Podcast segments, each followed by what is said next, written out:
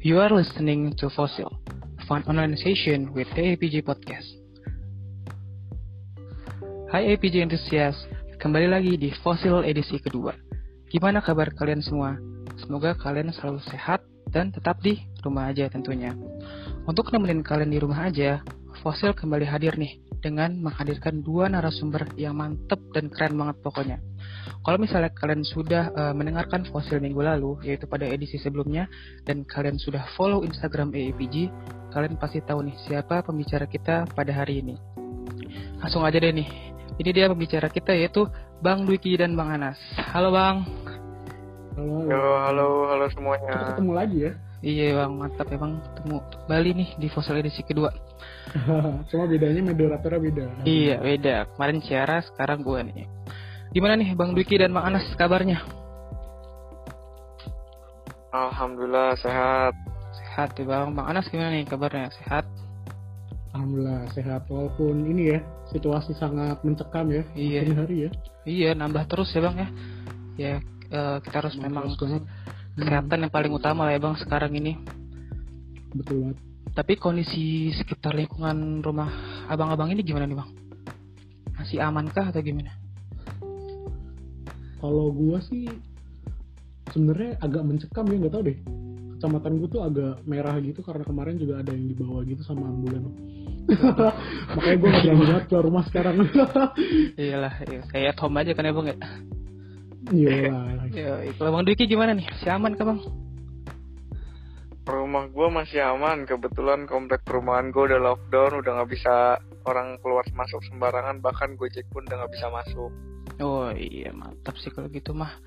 Biar aman lah ya bang. Biar nggak ada ibu-ibu yang rumpi lagi gitu lah bang ya. Nggak ada ya. Orang-orang nongkrong main ML tuh nggak ada tuh di luar rumah tempat cuci tangan kan? iya. Ada tuh tempat cuci tangan. Iya sabi sabi oke deh kalau gitu kita langsung masuk ke tanya jawab aja ya bang ya. Yo, iya. boleh. Nah oke. Okay. jadi pertanyaan pertama nih bang Pertanyaan uh, kali ini bakal seputar uh, kerja praktik dan bagaimana kesempatan peluang bekerja ke depannya di geosains ini sendiri, Bang. Hmm. Nah, pertanyaan pertama nih, Bang. Uh, Bang Dwiki dan Bang Anas ini ikut KP di mana aja dan pengalaman paling penting apa yang didapat? Sok, Bang Anas dulu jawab. Uh, pengalaman KP ya kalau gua itu kalau gua itu kemarin KP sempet di dua tempat sih. Satu di Lemigas itu pas gue semester 4 gue tuh waktu itu ngerjain tentang apa ya uh, performance study gitu. Jadi tentang lu belajar kalau misalnya lu punya batuan sedimen lu belajar kayak itu batuan sedimennya datangnya dari mana. Hmm. nah, terus satu lagi di ML PTML itu energi mineral langgeng dan itu pas gue semester 6 kalau nggak salah. Itu tentang interpretasi seismik. Hmm. terus pengalaman paling penting ya? Atau ya, hmm, menurut gue pengalaman paling penting itu uh, eh, gue jalanin pas gue lagi kemarin tuh jadi gimana ya pengalamannya itu kalau menurut gue yang gue alamin itu belum terlalu maksimal gitu sih karena mm-hmm. gue ngejalanin kedua KP itu pas gue lagi jalanin perkuliahan juga mm-hmm. jadi gue tuh cuma dapetin pengalaman uh, di ngerjain project KP-nya aja itu sih karena kurangnya itu ketika lo kuliah dan lo sambil KP waktu itu menurut gue jadi hal yang sangat sempit gitu loh jadi oh, iya, iya. lo harus kuliah juga dan ketika lo KP lo jadi nggak bisa dapetin iya. nya deket sama orang-orang sana sama kurang maksimal jadi lo, iya jadi lo juga nggak tahu sampai pola kerja di perusahaan itu gimana juga mm-hmm. tapi uh, dari hal kayak gitu ini sih uh, gue juga dapetin hal yang intinya juga sebenarnya kalau menurut gue hal yang beda ketika lo KP yang bisa lo dapetin itu adalah lo bisa belajar bener-bener by problem gitu. Apa yang lo dapetin kayak datanya kayak apa yang lo dapetin pas lo KP dan lo harus ngapain berdapat uh, sesuatu yang uh, dari data yang lo punya tadi. Terus yeah, yeah. Uh, menurut gue lagi KP itu ini sih uh, yang yang gue dapetin itu adalah KP itu ngembangin pola pikir gue di bidang geoscience. Karena mm-hmm. dari apa yang lo kerjain nanti lo bakal tahu tuh kayak oh ini gunanya uh, buat apa nih? Terus oh ini bisa diolah buat jadi apa nih secara real? Karena lo kan learn by uh, solving the problem gitu kan? Dan yeah, yeah. Uh, itu tuh nggak bisa lu dapetin dari lo cuma baca di buku aja. Dan itu ngebantu banget sih buat lo nanti uh, ngerjain skripsi. Karena gimana ya karena lo udah melatih pola pikir lo dulu gitu sebelum lo nanti ngerjain skripsi gitu sih. Lu dua KP gitu emang udah niat dari awal apa gimana tuh bang? KP dua KP gitu? Itu gue niat sih karena uh, emang gue penasaran gitu ketika gue kerja di oil and gas tuh rasanya tuh kayak apa kayak vibe-nya tuh kayak apa gitu sih oh. makanya gue semester 4 tuh jatuhnya kayak apa ya sebenarnya belum siap juga sih cuma gue memberanikan diri gitu sih hmm. hmm, hmm. kalau dari bang Dwiki nih gimana bang sok jawab kalau gue gue KP itu kemarin di Indonesia Power Suralaya nah itu dia pembangkit jadi perusahaan pembangkit listrik itu semacam PLN cuman kenapa gue bisa masuk ke situ itu karena uh, di sana itu kan pakai energi primer untuk pembangkit listriknya itu batu bara. Hmm. Nah di situ uh, sebenarnya di situ bahkan nggak ada sama sekali orang geologi. Nah di situ gue pertama bingung kan pengalaman yang sangat sangat gue dapet situ lah. Wah nggak ada orang geologi nih. Hmm. Ya di situ nggak ada orang geologi benar-benar nggak ada orang geologi. Jadi dia cuma sebatas dari uh, batu bara dari Kalimantan, misalkan dari perusahaan-perusahaan kayak Adaro, KPC dan teman-temannya itu. Hmm dikirim dari sana jadi di situ jadiin pem, uh, bahan energi primer di pembangkit tersebut. Barulah uh, nah di ceritanya pengalaman gue yang sangat menarik adalah ya lu bisa bayangin lah di situ bukan orang bukan orang yang ge, bukan geologi banget lah jatuhnya yeah, gitu iya, kan karena itu jatuhnya udah produksi listrik gitu kan. Yeah. nah hal yang paling paling menarik adalah gue di situ kebuka banget wawasan gue itu uh, gimana sih caranya kita buat atau uh, gimana uh, ketika kita kerja nanti kan kita nggak belum tentu di geologi doang nih nah mm-hmm. yang paling sangat sangat menantang adalah gue di situ apa awalnya gue cuma mau mencoba untuk mencari tahu sebenarnya pembangkit listrik yang baik efisiensinya itu batu baranya harus punya kalori sebagaimana sih kayak gitu kan wow. simpel itulah tapi yeah, yeah, yeah. di sana ditolak tuh awalnya kan terus gue diminta uh, gue mengajukan judul baru sama teman-teman gue untuk melakukan studi pengendapan lingkungan pengendapan batu baranya dan hmm. alhasil yang sangat-sangat sulit adalah gimana cara menjelaskan studi apa bukan studi tapi lebih ke lingkungan pengendapan itu ke orang-orang yang memang latar belakangnya bukan orang-orang geologi itu sih yang hmm. paling menarik untuk pengalaman gue jadi kayak ya gue belajar di sana untuk gimana sih yeah, yeah. dari batu bara jadi pembangkit dan mereka belajar apa sih batu bara dan gimana sih keterbentukannya dari kita gitu sih kalau gua pengalaman yang gua menarik ya. Tapi awalnya kenapa lu maksudnya kayak nekat gitu pengen ke sana gitu bang? Maksudnya uh, karena kan uh, kata lu nggak ada orang geologi gitu ya kenapa lu masih mencoba gitu? Apa lu penasaran dengan pembangkitnya itu atau gimana? Jadi awalnya itu uh, sebenarnya gue pikir judul kita itu masih masih relate lah sama geologi karena gue mengajukan judul uh, mixing kalori batu bara untuk membangkit. Hmm. Ternyata di sana uh, kalau kata apa ya nyebutnya ya, supervisor yang udah atau mentor gue di sana itu menyebutnya ya udah kalau mixing mah tinggal pakai hitung hitungan matematik aja selesai gitu KP kalian hmm. sebulan akan sia-sia gitu kan hmm. ditantang lah kita untuk mengeksplor lebih jauh jadi intinya ya gitulah jadi intinya iya. ya memang bukan coba-coba tapi masih relate awalnya masih relate tapi tiba-tiba ya ditantang untuk uh, menjadi uh, apa ya menerangkan kepada orang-orang yang bukan geologi dan mentor gue pun orang tadi mesin gitu. oh. Waduh. Juga ya. Ya gitulah. Oke kalau gitu. Lanjut ke pertanyaan kedua nih bang ya Bang, jelasin dong dari awal kalau mau kerja praktek apa saja yang harus disiapkan dan dilakukan. Silakan Bang Wiki dulu nih, jawab. Kalau gua sih, jadi kan berhubung geologi itu nggak wajib ya kerja praktek ya. Tapi hmm. yang harus disiapin itu yang pertama kali adalah niat dan kemauan sih jatuhnya. Karena uh, nggak usah takut sih kalau kata gue kerja praktik contohnya kayak gue lah mungkin kita nggak bakal relate sama perusahaannya tapi jatuhnya di sana kan kita mau belajar gitu kan mau iya, belajar yeah. dan uh, gimana sih kehidupan di di mana ya pas ke kampus nantinya gitu. Jadi ya yang penting mau dan mau dan mau belajar aja gitu sih. Jadi nggak usah takut-takut ah gue gak ngerti apa apa nih ah gue salah nih kayaknya kayak gini gini ntar di sana gue bakal bengong apa segala macam. Kalau kata gue gak bakal bengong. Selagi kalian itu memang mencari ilmu di sana ya udah eh, kalian akan mendapatkannya gitu. Kalau kalian memang mau gitu jadi jatuhnya nggak usah pernah takut. Karena kan ada aja pasti yang takut takut kayak aduh bang gue Iya, bego nih gue gak ngerti apa apa Iya, iya, iya. kan Iya, sebenarnya iya, di sana benar-benar. juga kalian kalian belajar gitu kan. Jadi Iya, kayak ya justru karena kalian nggak tahu kalian makanya kerja praktik biar kalian tahu. Jadi sesimpel Hmm. itu aja sih kalau kalau gue ya. Mm, jadi ya pertama kalian siapin adalah niat kemauan. Sisanya ya tinggal perantaran-perantaran teknis kayak proposal surat Hmm. keterangan dari fakultas mm. udah sih gitu-gitu doang sih ya dasar lah gitu sih Oke, itu kalau dari Bang Dwiki, kalau dari Bang Anas gimana nih Bang?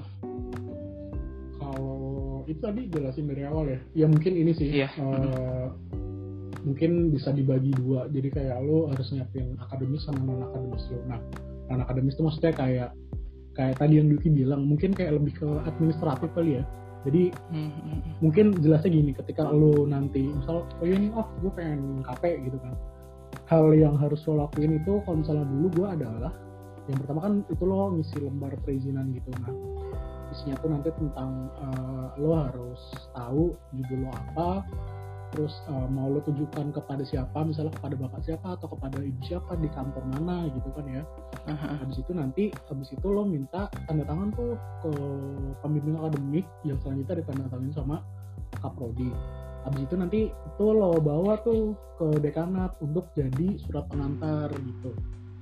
Nah, selain itu lo bikin proposal juga sih eh, biasanya. Nah, proposal itu biasanya ya intinya kayak lo mau ngapain aja di sana, terus topik lo mau tentang apa, lo mau sejauh apa dan eh, cakupan-cakupan yang emang seharusnya dimasukkan ke dalam proposal pada umumnya sih sebenarnya Mhm. proposal KP lo.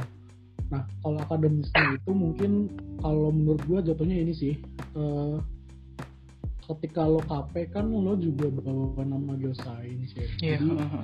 menurut gua eh, mungkin ini sih ketika lo misalnya lo ngambil nih suatu topik menurut gua tuh jangan terlalu kosong juga sih mungkin karena karena takutnya itu ketika lo kosong dan orang eh, setiap orang kan eh, proses pembe- pembelajarannya kan beda-beda ya mungkin ada Iya, yang iya. cepat ada yang lambat dan ketika lo misalnya contoh lo menyadari kalau misalnya lo lambat dan misalnya lo begitu nyampe sana lo kosong banget itu eh, jelek juga sih karena Iya, itu iya. bakal bakal karena lo membawa nama geoscience juga dan lo nanti bakal jadi lama aja dan lo Mm. jadi nggak terlalu banyak buat explore sesuatu di sana. Karena lo begitu datang lo kosong. Itu menurut gue kayak gitu. Terus eh, ini sih bener sih kata Dwiki eh, paling penting itu adalah motivasi belajar. Karena kan KP kan sebenarnya contohnya eh, gimana caranya lo eh, bekerja sama sama perusahaan dan lo be- apa belajar di sana gitu kan ya Iya, iya. aha. Eh, nah dari sana timbul tuh eh, lo harus punya persepsi kalau misalnya ketika lo KP jangan pernah ini sih eh, ya mungkin lo belajar tapi jangan pernah mikir kalau misalnya lo bener-bener didikte gitu karena dari pengalaman-pengalaman teman-teman gue juga sebenarnya ketika lo KP itu nggak kayak lo daftar les terus nanti lo diajarin banget lo harus Oh, ngerti iya. kalau misalnya emang mereka juga punya kerjaan yang lain dan dan kerjaan mereka nggak cuma nanganin lo doang gitu kan dan karena lo mahasiswa juga ya lo harus learn by yourself gitu sih Iya, iya. dan karena kalau misalnya lo mikir eh, iya nih gue harusnya didikte dan gue diajarin di sana dan sebagainya Eh, dan ketika lo dicuekin kan kadang lo bete gitu nah itu enggak sih jangan kayak gitu sih karena even misal lo dicuekin ya lo juga sebenarnya harusnya bersyukur juga karena ya lo udah dikasih kesempatan gitu buat eh, ikut mereka ke perusahaan mereka untuk belajar di perusahaan mereka gitu sih mungkin itu Oh, sih Itu ya, Bang. Tapi ada syarat-syarat tertentu nggak sih untuk KP sendiri tuh? cara-cara tertentu sejauh ini menurut gua nggak ada sih cuma kalau dari administratif tuh biasanya gitu jadi syarat-syaratnya mungkin lebih ke dari dalam fak- dalam universitas aja gitu Hmm. mm-mm. Berarti lebih ke kemauannya aja sih ya Bang ya. Kalau misalnya udah eh, kepengen udah kuat mah tinggal gas terus aja ya Bang ya. hmm, benar benar benar ya sebenarnya iya, iya iya sih jangan pernah mikir kalau lo bakal jadi yang dilayani gitu nggak baik juga sih Iya. nah juga Mm-mm. Oke, kalau gitu kita lanjut ke pertanyaan yang ketiga nih. Untuk peluang KP sendiri lebih besar dan lebih bagus di pemerintahan atau di perusahaan swasta? Akan dijawab dari Bang Anas dulu deh. peluang KP ya kalau menurut gua peluang KP itu nggak bisa dibagi per ini sih nggak bisa berbagi per klaster perusahaan swasta atau pemerintahan karena kalau misalnya ngomongin peluang sebenarnya kadang ngomongin tentang eh, kuota jadi ketika lo masukin apa namanya proposal lo di sana. Nah apakah di sana tuh sebenarnya ada orang yang lagi KP juga dan kuotanya di perusahaan itu udah penuh atau eh, masih ada kuotanya buat lo? Karena itu yang paling mempengaruhi sih menurut gua eh, di dalam ngomongin peluang KP ini. Karena biasanya contoh kalau misalnya lo masukin nih ke Pertamina contoh ya Mhm. ternyata Pertamina penuh banget nih isinya tuh ur- apa orang KP dan beberapa orang yang skripsi juga. Karena ketika lo ngantri itu lo juga ini sih rebutan sama orang yang daftar untuk skripsi. Maksudnya eh, ngajuin untuk skripsi juga. Dan ketika penuh ya biasanya ya konsekuensinya lo harus nunggu beberapa apa satu semester atau dua semester gitu. Dan kalau misalnya emang kalau niat ya kan lo nunggu. Kalau misalnya lo nggak niat ya lo harus Iya, iya. mungkin mau ganti gitu sih. Jadi ya itu jadi tergantung Jadi, sama jadi harusnya nggak ada pembagian lebih bagus mana gitu ya Bang antara pemerintahan atau swasta gitu ya? nggak ada sih sejauh gua. Gua tergantung. karena pemerintahan juga ada yang rame ada yang sepi juga gitu. Maksudnya Oh, gampang dimasukin juga gitu. Cuma tergantung kita minatnya ke mana aja gitu kali ya. iya betul betul betul. Lebih ke sana sih. Hmm, Kalau dari Bang Dwiki, gimana Bang? Nah, kalau gue ya gue pribadi ya mau lu KP di pemerintahan sama swasta benar kata Anas maksudnya kita nggak ada peluang besar di mana atau kuota di mana maksudnya kita bergantung terhadap kuota yang disediakan gitu karena kan terkait perusahaan ini kan dia punya aturan main sendiri terkait orang magang orang skripsi jumlah-jumlahnya Hmm. berapa karena contoh gue di Indonesia Power ya Hmm. jadi mereka memang sudah menyediakan kuota dengan catatan kuota itu udah diperhitungkan sama mereka yaitu biaya makan kita sehari berapa karena gue di sana di Indonesia Power adalah gue full service di sana bukan nggak nggak jatuhnya full service ketika berada di sana ya maksudnya Iya, iya. makan gue udah disediain segala macam di sana pokoknya disediain kecuali ngekos doang gitu makan Iya, iya. siang gue udah di sana gitu Hmm. nah itu diperhitungkan sama mereka kuota kita berapa dan ya berapa apa ya jatuhnya jadi uh, memang nggak ada peluang besar gede ke mana condong ke mana swasta atau ke ke pemerintah. Tapi Hmm. atau ke negeri ya BUMN segala macam. Tapi lebih ke arah kuotanya sebanyak apa sih di masing-masing perusahaan? Mungkin kalau kata Anas tadi itu perusahaan-perusahaan yang memang jatuhnya nggak terlalu famous atau nggak terlalu terkenal mungkin peluangnya akan jauh lebih besar dibandingkan perusahaan-perusahaan yang memang dia udah punya kredibilitas yang sangat tinggi gitu kan. Kayak Hmm, hmm, lu masuk ke Pertamina itu akan sangat susah. Lu masuk ke Konoko itu akan sangat susah atau teman-temannya itu akan sangat susah. Berbeda dengan perusahaan-perusahaan yang memang dia masih membangun gitu. Oh, iya, masih iya. memang mencari ya itu akan peluangnya akan lebih besar. Kalau swasta Hmm. negeri kalau kata gua nggak begitulah nggak begitu. Tapi seberapa besar perusahaan itu itulah yang akan menjadi seberapa sulit kita masuk ke sana gitu Tapi setiap perusahaan tuh kotanya tuh gimana sih Bang? Ada yang banyak, ada yang dikit gitu ya Bang ya? kalau gue beda-beda maksudnya gue juga sempat nanya kan di Indonesia Power ini kuotanya gimana sih untuk per bulan karena kan gue deket juga sama orang humasnya ya Hmm. humasnya juga sering cerita segala macam jadi memang mereka waktu bul waktu jadi memang mereka udah menyediakan kuota uh, maksimal 20 orang per bulan gitu kan per bulan Mhm. jatuhnya tapi uh, situasi tertentu di suatu situ- di suatu situasi tertentu itu kuota itu kan bertambah. Jadi misalkan tadinya 20 orang bisa jadi satu bulan karena permintaannya banyak Oh, jadi 40 orang mungkin bisa. Jadi kayak memang ya kebijakan perusahaan lah. Kalau tergantung kebutuhan perusahaan itu juga ya berarti ya? iya benar-benar gitu Oke. karena kadang dipertimbangin ini juga sih eh, itu kan tadi mungkin eh, biaya makan dan sebagainya. Nah Iya. mungkin kalau misalnya di gue kalau di AML kan itu kan jatuhnya perusahaan nggak yang nggak yang nggak yang terlalu besar gitu ya. Dan menurut gue mungkin dipertimbangin ini juga sih ketika lo masuk terus misalnya sekali masuk 20 orang nih. Nah karena perusahaan kecil kan itu mungkin jadwalnya kayak sangat mengganggu gitu ya dia. Maksudnya ya kan eh, orang-orang yang KP juga kadang minta tolong diajarin gitu gitu nah itu menurut gue jadi pertimbangan juga sih. Jadi seberapa chaosnya itu kayaknya jadi pertimbangan juga Iya iya. Oke, semoga menjawab. eh selanjutnya ke pertanyaan yang keempat yaitu KP kan gak wajib nih bang bagi jurusan geologi. Menurut abang Hmm. seberapa penting sih KP itu? Silahkan dijawab dari bang Wiki dulu deh.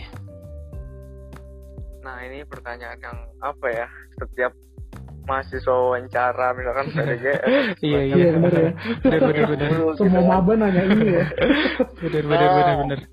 cuman uh, berhubung forumnya lagi tepat nih kalau kata Hmm. gua memang kita nggak wajib jurusan geologi itu memang nggak wajib tapi uh, kita di sini uh, kalau kalau dosen gua selalu bilang lulusan geologi setiap tahunnya pasti banyak gitu kan Iya. terus uh, pasti kampus-kampus lain juga mengeluarkan lulusan-lulusan geologi. Nah di sinilah KP ini walaupun nggak wajib tapi itu adalah poin positif atau poin tambahan untuk kita nantinya ke depannya buat kerja atau ngelamar kerja atau di Iya. CV kita. Jatuhnya itu masuk pertama kan. Jadi kayak Hmm. nambah-nambahin CV.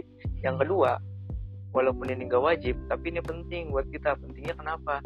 Jadi kita tahu atmosfer kerjanya nanti kita ke depannya kayak gimana. Hmm, itu penting banget kan. Kayak apalagi iya, kalau memang jatuhnya kalian relate sama kerjaan geologi kalian atau kalian HP-nya relate lah sama geologi ini gitu kan. Itu bakal sangat penting banget. Jadi kalian kebayang nih ah gue di kelas dapetnya gini gini gini ilmunya sebenarnya ke depannya bakal buat apa sih? Itu kan bakal Hmm. berguna banget kan. Jadi kayak ada Iya. bayangan gitu. Yang ketiga adalah itu memotivasi kalian biar belajar lebih giat biar kalian tahu gitu loh wah gue kerjanya kayak gini nih. Kayaknya uh, seru nih asik nih. Gue mau jadi orang yang apa ya gue mau jadi mau kerja di tempat ini lagi lah kayak gitu kan. Hmm. jadi kayak Hmm. lebih membangun suasana kalian untuk belajar. Jadi kayak ya dibilang penting penting banget kalau kata gue jadi walaupun nggak nggak wajib tapi ini sangat penting. Dan yang keempat ini ngebangun relasi kalian bos. Jadi kayak hitungannya eh, di geologi ini atau geologi UI ini ini kan baru berjalan 4-5 tahun gitu kan Kita masih membangun lah mencari relasi segala macam. Dosen masih mencari relasi. Nah kita sendiri kita juga mencari relasi. Untuk untuk siapa? Untuk kita sendiri. Jadi kayak syukur-syukur ketika kita KP di sana. Uh, orang yang di sana uh, senang lah sama kinerja kita Iya. segala macam. Jadi ketika kita menco- me- hub- ngubungin balik lah ngubungin lagi suatu Hmm. saat ketika kita udah lulus nanti mereka akan welcome ke kita ketika kita nanya ada lama ada lowongan kerja nggak di sini atau ya semacamnya gitu kan. Mereka akan dengan senang hati menyambut kita. Jadi dibilang penting penting banget gitu. Itu sih kalau dari gue pribadi ya. Oke.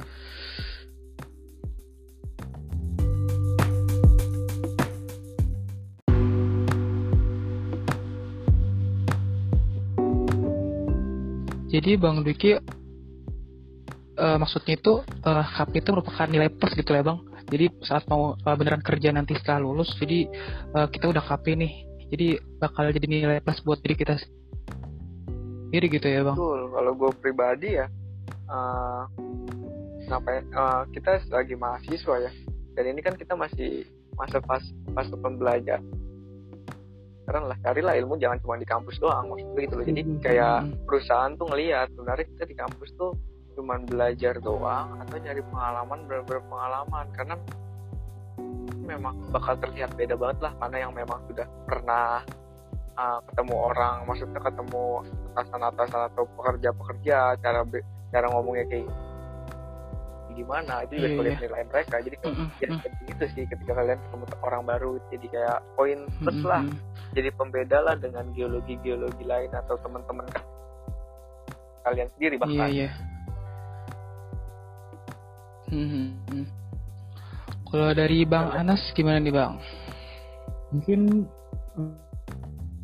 eh, jatuhnya sama kayak Duki sih karena mungkin gue nambahnya lebih ke ini sih karena setahu gue ada beberapa perusahaan juga yang dia tuh eh, dia tuh ketika dia masukin apa namanya pegawai baru misalnya dia buka open recruitment itu nggak di ini nggak disebar sama dia jadi kadang dia emang nawarin Hmm. orang-orang yang mungkin dulu magang di tempat dia atau mungkin bisa juga ketika Hmm. AP di tempat dia dan emang mungkin begitu dia tuh ini sebenarnya kinerjanya bagus nih berpotensi besar kalau misalnya uh, mereka apa dia gabung ke kami mungkin uh, kayak karena menurut gua KP itu selain buat lo belajar karena lo juga apa ya jatuhnya kayak disiplin bukan disiplin sih kalau kayak lo belajar di perusahaan lain juga itu jatuhnya buat personal branding lo juga sih jadi uh, buat nunjukin sebenarnya lo tuh orangnya Iya, uh, iya. enak nggak buat di, diajak kerja sama apa lo sebenarnya orangnya strict banget nih misalnya Mhm. uh, nggak bisa diajak kerja sama maunya kerja sendiri dan sebagainya dan itu bisa kelihatan sih menurut gua ketika lo lagi iya. sampai di tersebut. Hmm, Jadi melatih kerja dalam tim gitu ya bang, nggak pintar sendiri gitu ya. Iya bener-bener karena kalau kata teman-teman gue yang contoh kayak skripsi juga di perusahaan gitu, kebanyakan mereka nyarinya emang ini sih selain yang emang eh, bisa mikir, maksudnya ya bisa bisa mendalami di bidangnya dia juga nyari yang teamworknya bagus sih karena kan karena kan perusahaan kan itu tentang teamwork gitu ya bukan kayak lo kerja sendiri sendiri gitu. Masih gitu sih Hmm. kalau yang gue tambah. Hmm, itu. Oke, mantap. Lanjut nih ke pertanyaan selanjutnya. Kita udah tahu nih pentingnya KP dari di. Nah, menurut Bang Dwiki dan Bang Anas, mending skripsi di perusahaan melalui kerja praktek atau ikut riset dosen? Silakan dari Bang dijawab. eh, mending mana ya jadi kalau menurut gue itu nggak bisa di ini sih nggak bisa disandingin karena eh gimana ya karena ketika lo milih itu lo mau di perusahaan atau lo mau ikut proyek dosen yang kayak lo eh, terjun langsung ke lapangan itu tergantung banget sama orangnya yang mau ngambil skripsi itu contoh misalnya tergantung apakah misalnya lo lo orangnya Hmm. tipikal orang yang suka pergi ke lapangan atau lo tipikal orang yang Hmm. emang pengen eh, ngerjain kayak interpretasi data di belakang layar jadi kayak data-data perusahaan lo kerjain tanpa lo harus ke lapangan atau Hmm. bisa juga eh, ditentuin sama situasi juga kadang karena eh, ketika lo milih lo mau perusahaan apa lo mau ikut riset dosen banyak banget tuh kasus-kasusnya kayak contoh misalnya lo pengen skripsi di perusahaan terus lo eh, apply kan lo apply ternyata ngantri dan itu misalnya wah iya nih kami penuh selama setahun Hmm. dan itu kayak topik itu kayak banyak banget yang minat dan akhirnya daripada lo nunggu eh, kelulusan misal kayak lo target 4 tahun dan itu kayak udah di semester 7 kan lo nggak bisa dong nge- ngejar ego lo sendiri gitu kan. Jadi lo mungkin mulai nyari proyek dosen.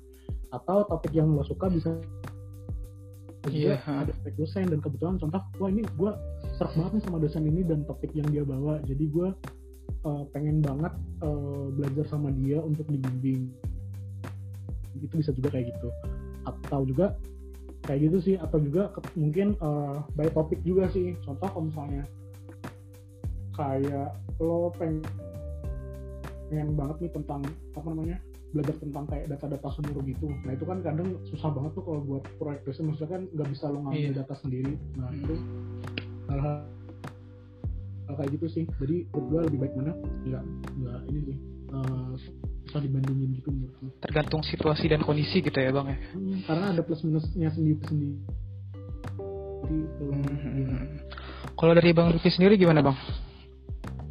Kalau gua pribadi ya eh, mending riset dosen atau mending perusahaan kan gitu kan. Gue sih lebih memilih untuk perusahaan. Kenapa? Karena di situ satu kita tahu eh, atmosfer kerja nantinya kayak gimana. Kecuali ya kalau memang kalian memang mau berkecimpung di dunia akademisi atau segala macam, ya apalah salahnya di riset dosen gitu kan. Hmm, Tapi eh, ada juga yang berpikiran kayak ah gue ngapain sih?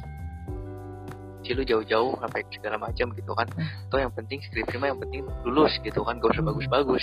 Jadi Iya, jadinya gitu. Kalau gue pribadi gue tetap memilih untuk perusahaan. Selain selain dari gue tahu masyarakat kerja gue tetap ngejar relasi sih jatuhnya karena Hmm. gue tau lah kita masih kurang akan relasi dan gue masih ngejar Hmm. relasi itu untuk bukan cuma untuk uh, diri gue sendiri tapi untuk apa ya untuk teman-teman gue dan ada tingkat gue mungkin jatuhnya karena memang Mhm. apa ya kalau bukan angkatan satu dua yang satu dua tiga yang ngebuka sayap untuk relasi ini ya siapa lagi Iya, gitu kan jatuhnya gitu sih kalau gue Betul, pribadi jadi Hmm. memang memang apa ya uh, dan ini juga perusahaan ini jatuhnya jangka panjang kalau gue pribadi ya selain relasi untuk kita nanti kerjanya ini juga bisa jadi relasi untuk bioscience ya maksudnya ke- Hmm. gimana Ke- uh, kerjasama antar dua instansi ini bakal bakal terjalin gitu ketika Iya, iya. kita memang mem- membawa nama geoscience dan kita berhasil menunjukkan bahwa geoscience UI ini walaupun baru berdiri tapi udah se se worth itu loh se Iya, iya. bisa itu loh untuk bersaing. Jadi kayak gitu sih kalau gue pribadi ya. Jadi kayak ajang ujuk gigi lah dengan kampus-kampus lain. Itu sih kalau gue Jadi kalau di perusahaan bisa itu ya eh, nilai lebih nanti buat eh, adik adik tingkat ya yang mau meneruskan gitu ya bang ya. Betul, betul. karena kita harus membangun dinasti kita sendiri benar nggak Iya, betul Iya. betul mantap mantap. Oke lanjut nih bang. Pertanyaan 6 Kalau abang-abang sendiri nih kepikiran kerja non geologi nggak? Kalau boleh tahu kepikiran pada bidang apa tuh kalau non geologi? Silakan jawab dari bang Wiki dulu. kalau gua gua kepikiran non geologi atau enggak sebenarnya uh, sangat kepikiran sih jatuhnya. Karena kenapa? Walaupun nanti kerja di geologi pasti gua bakal tetap mikirin usaha-usaha sampingan gua sih. Usaha misalkan usaha apa pun itu ya mau itu berdagang atau apa pun itu. Karena uh, berkaca dari situasi sekarang lah situasi yang memang ada pandemik ini jangankan um, orang yang udah punya kerjaan tetap. eh, sorry jangankan orang yang udah punya uh, apa ya jatuhnya udah sejahtera lah udah makmur lah segala macam. Tapi kan kita nggak ada yang tahu nih kayak gimana nanti ke depannya. Jadi ibaratnya nih worst case nya lah kita tetap harus punya sampingan jatuhnya kalau gue mikirnya gitu. Iya. jadi walaupun nanti gaji kita di kerjaan geologi sampai belasan juta puluhan juta tapi kita harus mikirin plan side-nya gitu loh side plan-nya. Jadi kayak ya jaga-jaga lah untuk kerjaan non geologinya apa yang pasti gue bakal buka usaha. Dan gue mungkin mau coba untuk gue lagi punya impian untuk bikin workspace sih jatuhnya karena gue berkaca dari uh, kampus-kampus apa daerah kampus kita ya di UI ini. Kita bingung nih mau rapat di mana mau belajar di mana. Karena workspace-nya terbatas yang ada di kafe-kafe doang. Dan itu nggak banyak orang yang bisa belajar dengan situasi kayak gitu. Jadi kayak ya sebenarnya itu peluang sih jatuhnya kalau gue pribadi ya. Selain usaha-usaha sampingan mungkin buka-buka kafe atau segala macam ya pasti tetap ada sih kalau biologi dan sih yang lagi gue pikirin membuat workspace atau tempat tempat kerja atau tempat belajar gitu kayak jatuhnya di perpus cuman ini komersil kan di perpus Iya. dia punya perpus punya perpus UI sendiri sedangkan gue membuat sendiri gitu kan. Di sekitar kampus Mantap. yaitu di UI atau di kampus-kampus lainnya jatuhnya gue monopoli workspace di di kampus-kampus lah gitu banget gue udah kepikiran dari situ tapi ya Kamu- semoga aja terbangun lah Iya. Kita mau ke e-sport bang. e-sport e-sport enggak sih gue kayaknya gue nggak bisa sampai ke situ Aduh. Oke lanjut nih bang Anas. Bang Anas eh, gimana nih? kalau gua kepikiran apa enggak sebenarnya lagi kepikiran banget sih karena kan eh, apalagi lagi di masa pandemi kayak sekarang gitu ya dan itu mem- membuat gua mikir banget kayak kayak kemarin kan kemarin tuh ada kabar banget eh kabar baru tentang kayak harga minyak mentah Iya. anjlok gitu kan terus gimana nih eh, nanti eh, apa prospek gua di bidang energi dan sebagainya terus gue mulai mikir waduh kayaknya susah banget nih Uh, jadi gue udah mulai mikirin sih nggak uh, mikirinnya ke arah mana gue mungkin lebih ke nerusin apa yang di iniin bokap sih karena bokap tuh orang ekonomi dan kenapa Hmm. gue mau belajar ekonomi juga jadi karena gue udah kayak wah gue punya mentor sendiri di rumah gitu jadi gue Hmm. tahu apa yang harus gue kembangin dan gue punya mentornya gitu di rumah terus Hmm. kalau mungkin cerita tentang gitu. Gue malah mikirnya mau menjual sesuatu yang orang pasti nyari sih. Kayak contoh jualan ayam. Siapa orang di dunia ini yang tidak butuh ayam? Mungkin kayak gitu. Boleh boleh. Kayak gitu soalnya gue mikir sih kalau misalnya gue tuh uh, banyak nyari-nyari juga pengalaman orang ketika mereka jadi fresh graduate gitu. Kan orang itu uh, kalau misalnya dia bukan tipe orang yang uh, strict banget sama jurusannya dia dia mikir sih kayak uh, gue mau kayak seribu jalan yang mungkin bisa gue jadiin tempat kaki gue pertama buat kerja. Dan nanti kalau misalnya gue mau ngejar passion gue itu urusan nanti yang penting gue dapet dulu. Dan ketika gue emang rasa gue mau ngejar passion gue nanti gue tinggal pindah gitu. Hmm. ya emang harus banyak peluang gue mikirnya kayak gitu juga Hmm. Penting setelah lulus kerja dulu gitu ya bang karena katanya emang yang paling susah tuh adalah dapet kerjanya itu sih Hmm. Tapi nggak ada niatan itu bang lanjut ke S2, S3 gitu? Itu bang atau mau langsung oh kerja tentu gitu? saja ada Oh, kalau misalnya emang udah lama nggak dapet emang biasanya eh, dosen-dosen juga pada bilang sih kebanyakan bukan kebanyakan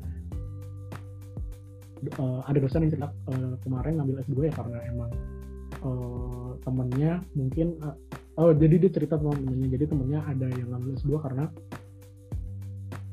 emang dia apply apply belum dapat kayak udah sekitar satu semester gitu jadi dia daftarnya langsung ke beasiswa dan lanjut S2 dan dia nyari kerjanya ya setelah dari S2 itu gitu. atau sebut tadi S2 aja gitu hmm. Kalau bang Diki?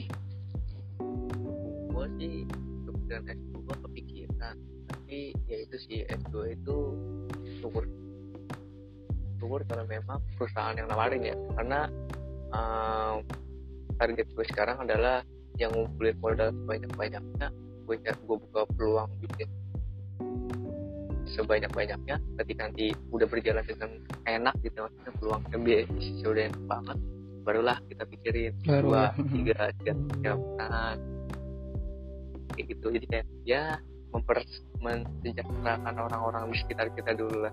Yes. Mantap, mantap. ya ya. Tadi kata- ternyata mau ini mau monopoli Monopoli workspace ya. monopoli iya lah. itu salah satu kapitalis. Gitu. Kapitalis yang sok sama sosialis biar dapat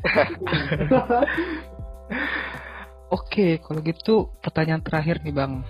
Ini Oh, pertanyaan Iya. yang eh, banyak banget ditanya ini dan banyak banget ber eh, apa ya bermunculan lah sekarang ini.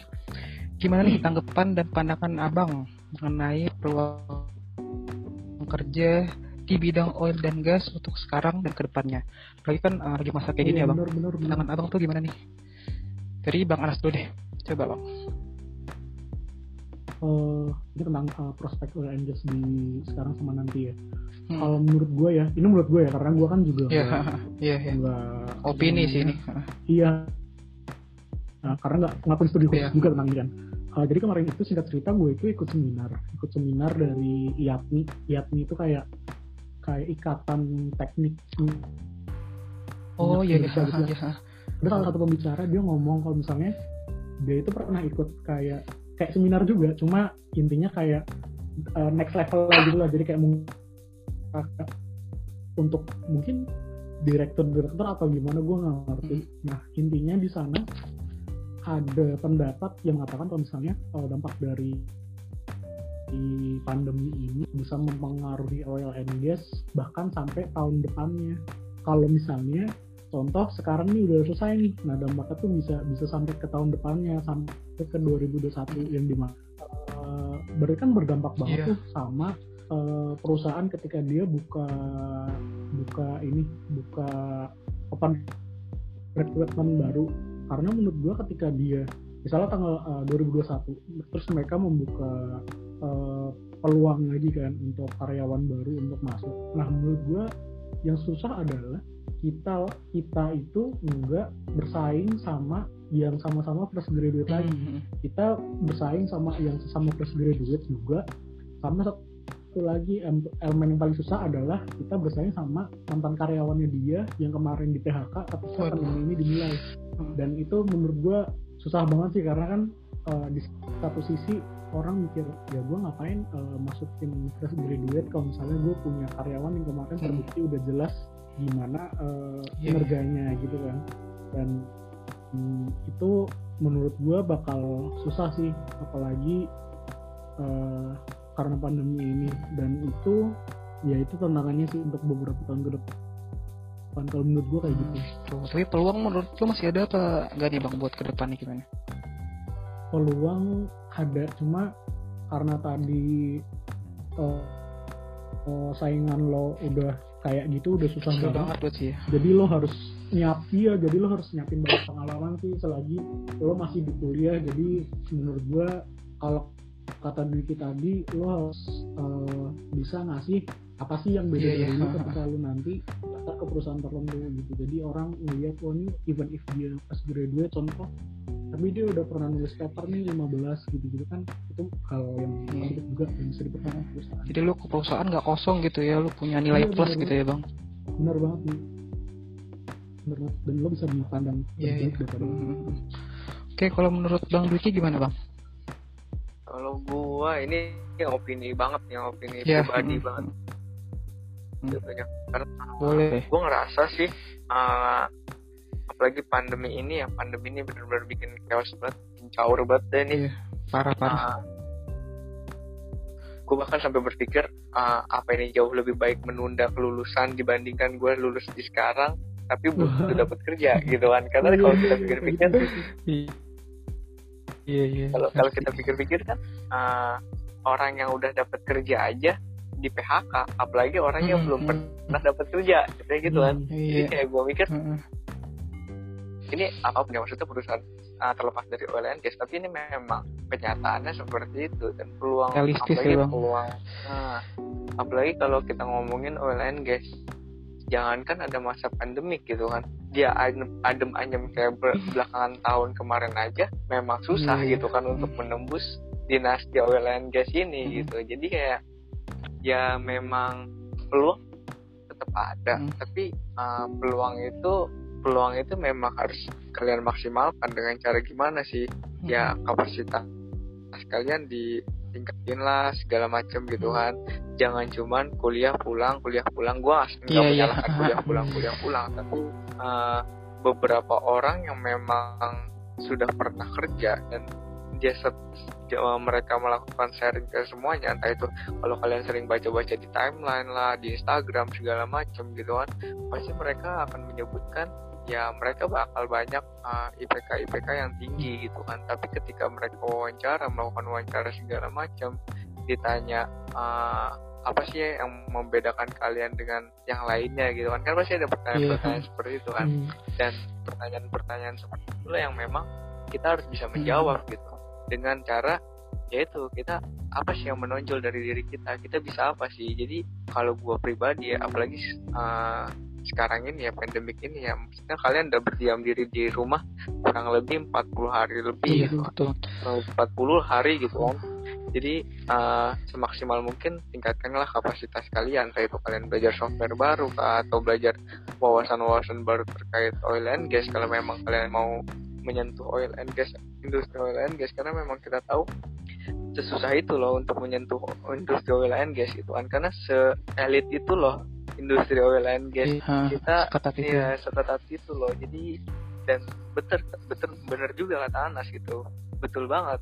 Uh, nanti kita bersaingnya bukan cuman sama fresh graduate tapi orang-orang yang udah berpengalaman tapi kena PHK di hmm. sekarang nah itu juga bakal jadi saingan kita gitu. Jadi orang-orang yang memang udah punya bersertifikat kerja sana sini juga bakal jadi iya. saingan kita. Jadi ya cobalah untuk karena gue pribadi ah, cobalah untuk berpikir untuk ya cari strategi terbaik hmm. gitu karena di uh, kita hidup nggak cuma untuk nyari nilai hmm. tapi kita juga butuh strategi ya sama kalian kalian mau masuk universitas hmm. lah itu kan hmm. bener-bener strategi yeah. kalian itu kan kayak cuman kalian belajar belajar hmm. belajar gitu kan jadi kayak ya peluang tetap ada tapi saran dari gua uh, jangan cuman lihat peluang doang tapi ya tingkatin kapasitas kalian sih jadi kan jadi kalian memang layak untuk kerja di perusahaan Hmm. itu gitu sih kalau kata gue pribadi ya Hmm, Ya. Itu dia temannya semoga menjawab eh, pertanyaan tersebut. Nah, Bang Vicky dan Bang Anas mungkin ada statement terakhir nih, eh, tips lah atau motivasi buat teman-teman yang mau kerja praktik gitu, Bang. dari lu lunas Silakan.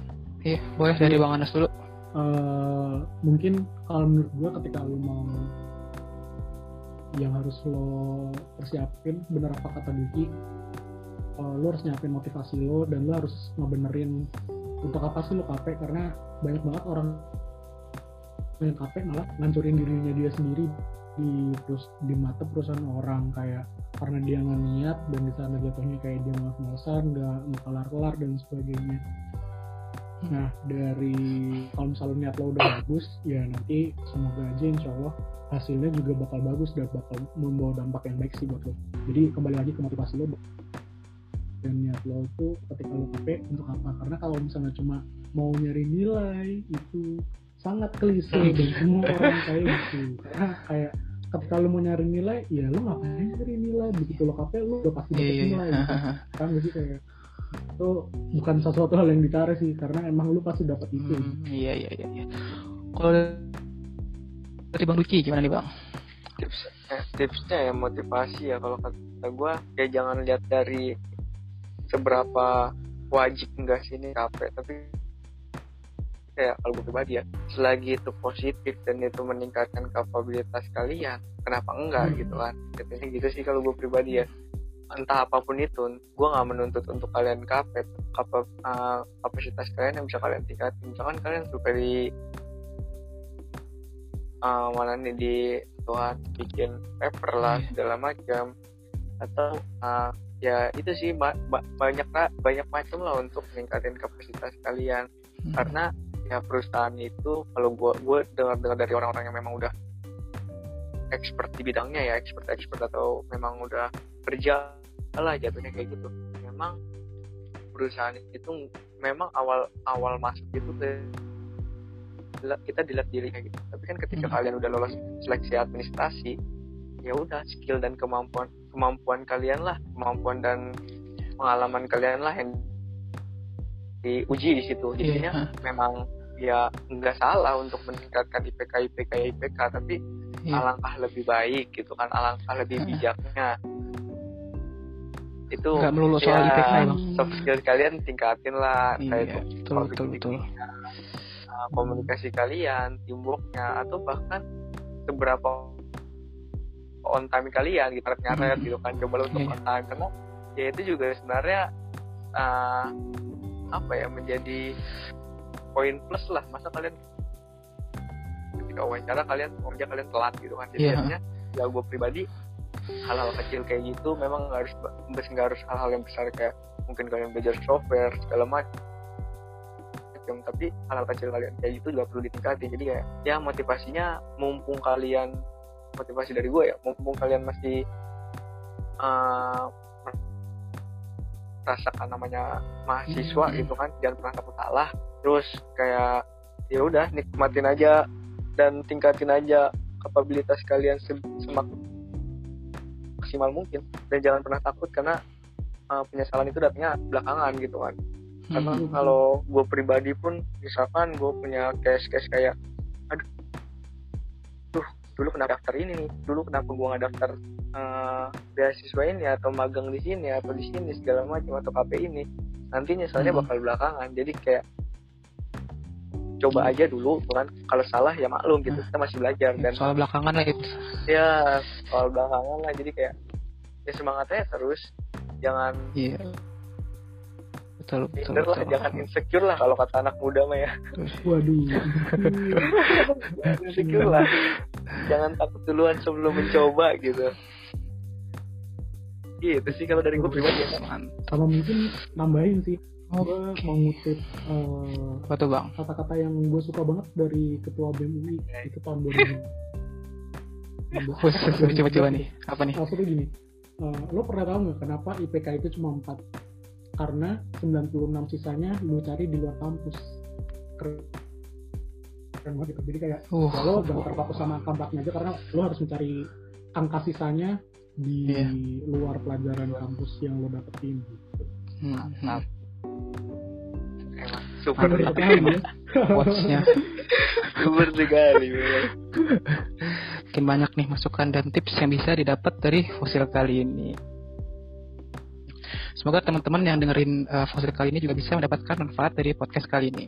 Kalau gitu, EPJ mau ngucapin terima kasih banyak nih Bang buat Bang Dwiki dan Bang Anas yang sudah bersedia meluangkan waktunya untuk sharing pengalaman, sharing ilmu, dan berbagi tips dan motivasi nih Bang. Terima kasih banyak ya Bang Dwiki, Bang Anas. Sukses terus ke depannya. Sukses terus skripsinya, sukses terus nanti kerjanya Bang. Oh, Dan terus menginspirasi bagi semuanya Bang. Amin. Amin. Berat Semoga itu ya. tetap bermanfaat ya. Karena ber- menginspirasi jika tidak bermanfaat untuk apa? Oh iya, ya. Kayak inspirasi yang bermanfaat gitu ya, organisasi mana gitu ya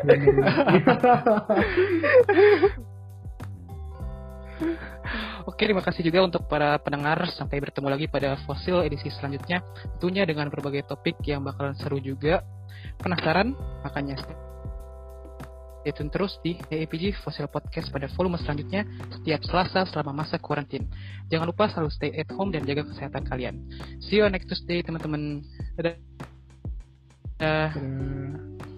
Hmm. Udah dong. Udah dong. ya aman ya Eh gimana gimana kan? masih Ada recording unmute, ya? unmute dong, unmute, unmute. masih recording loh ini Iya. Ini gua udah apa-apa mulu. dong. Kan bisa diikat dong.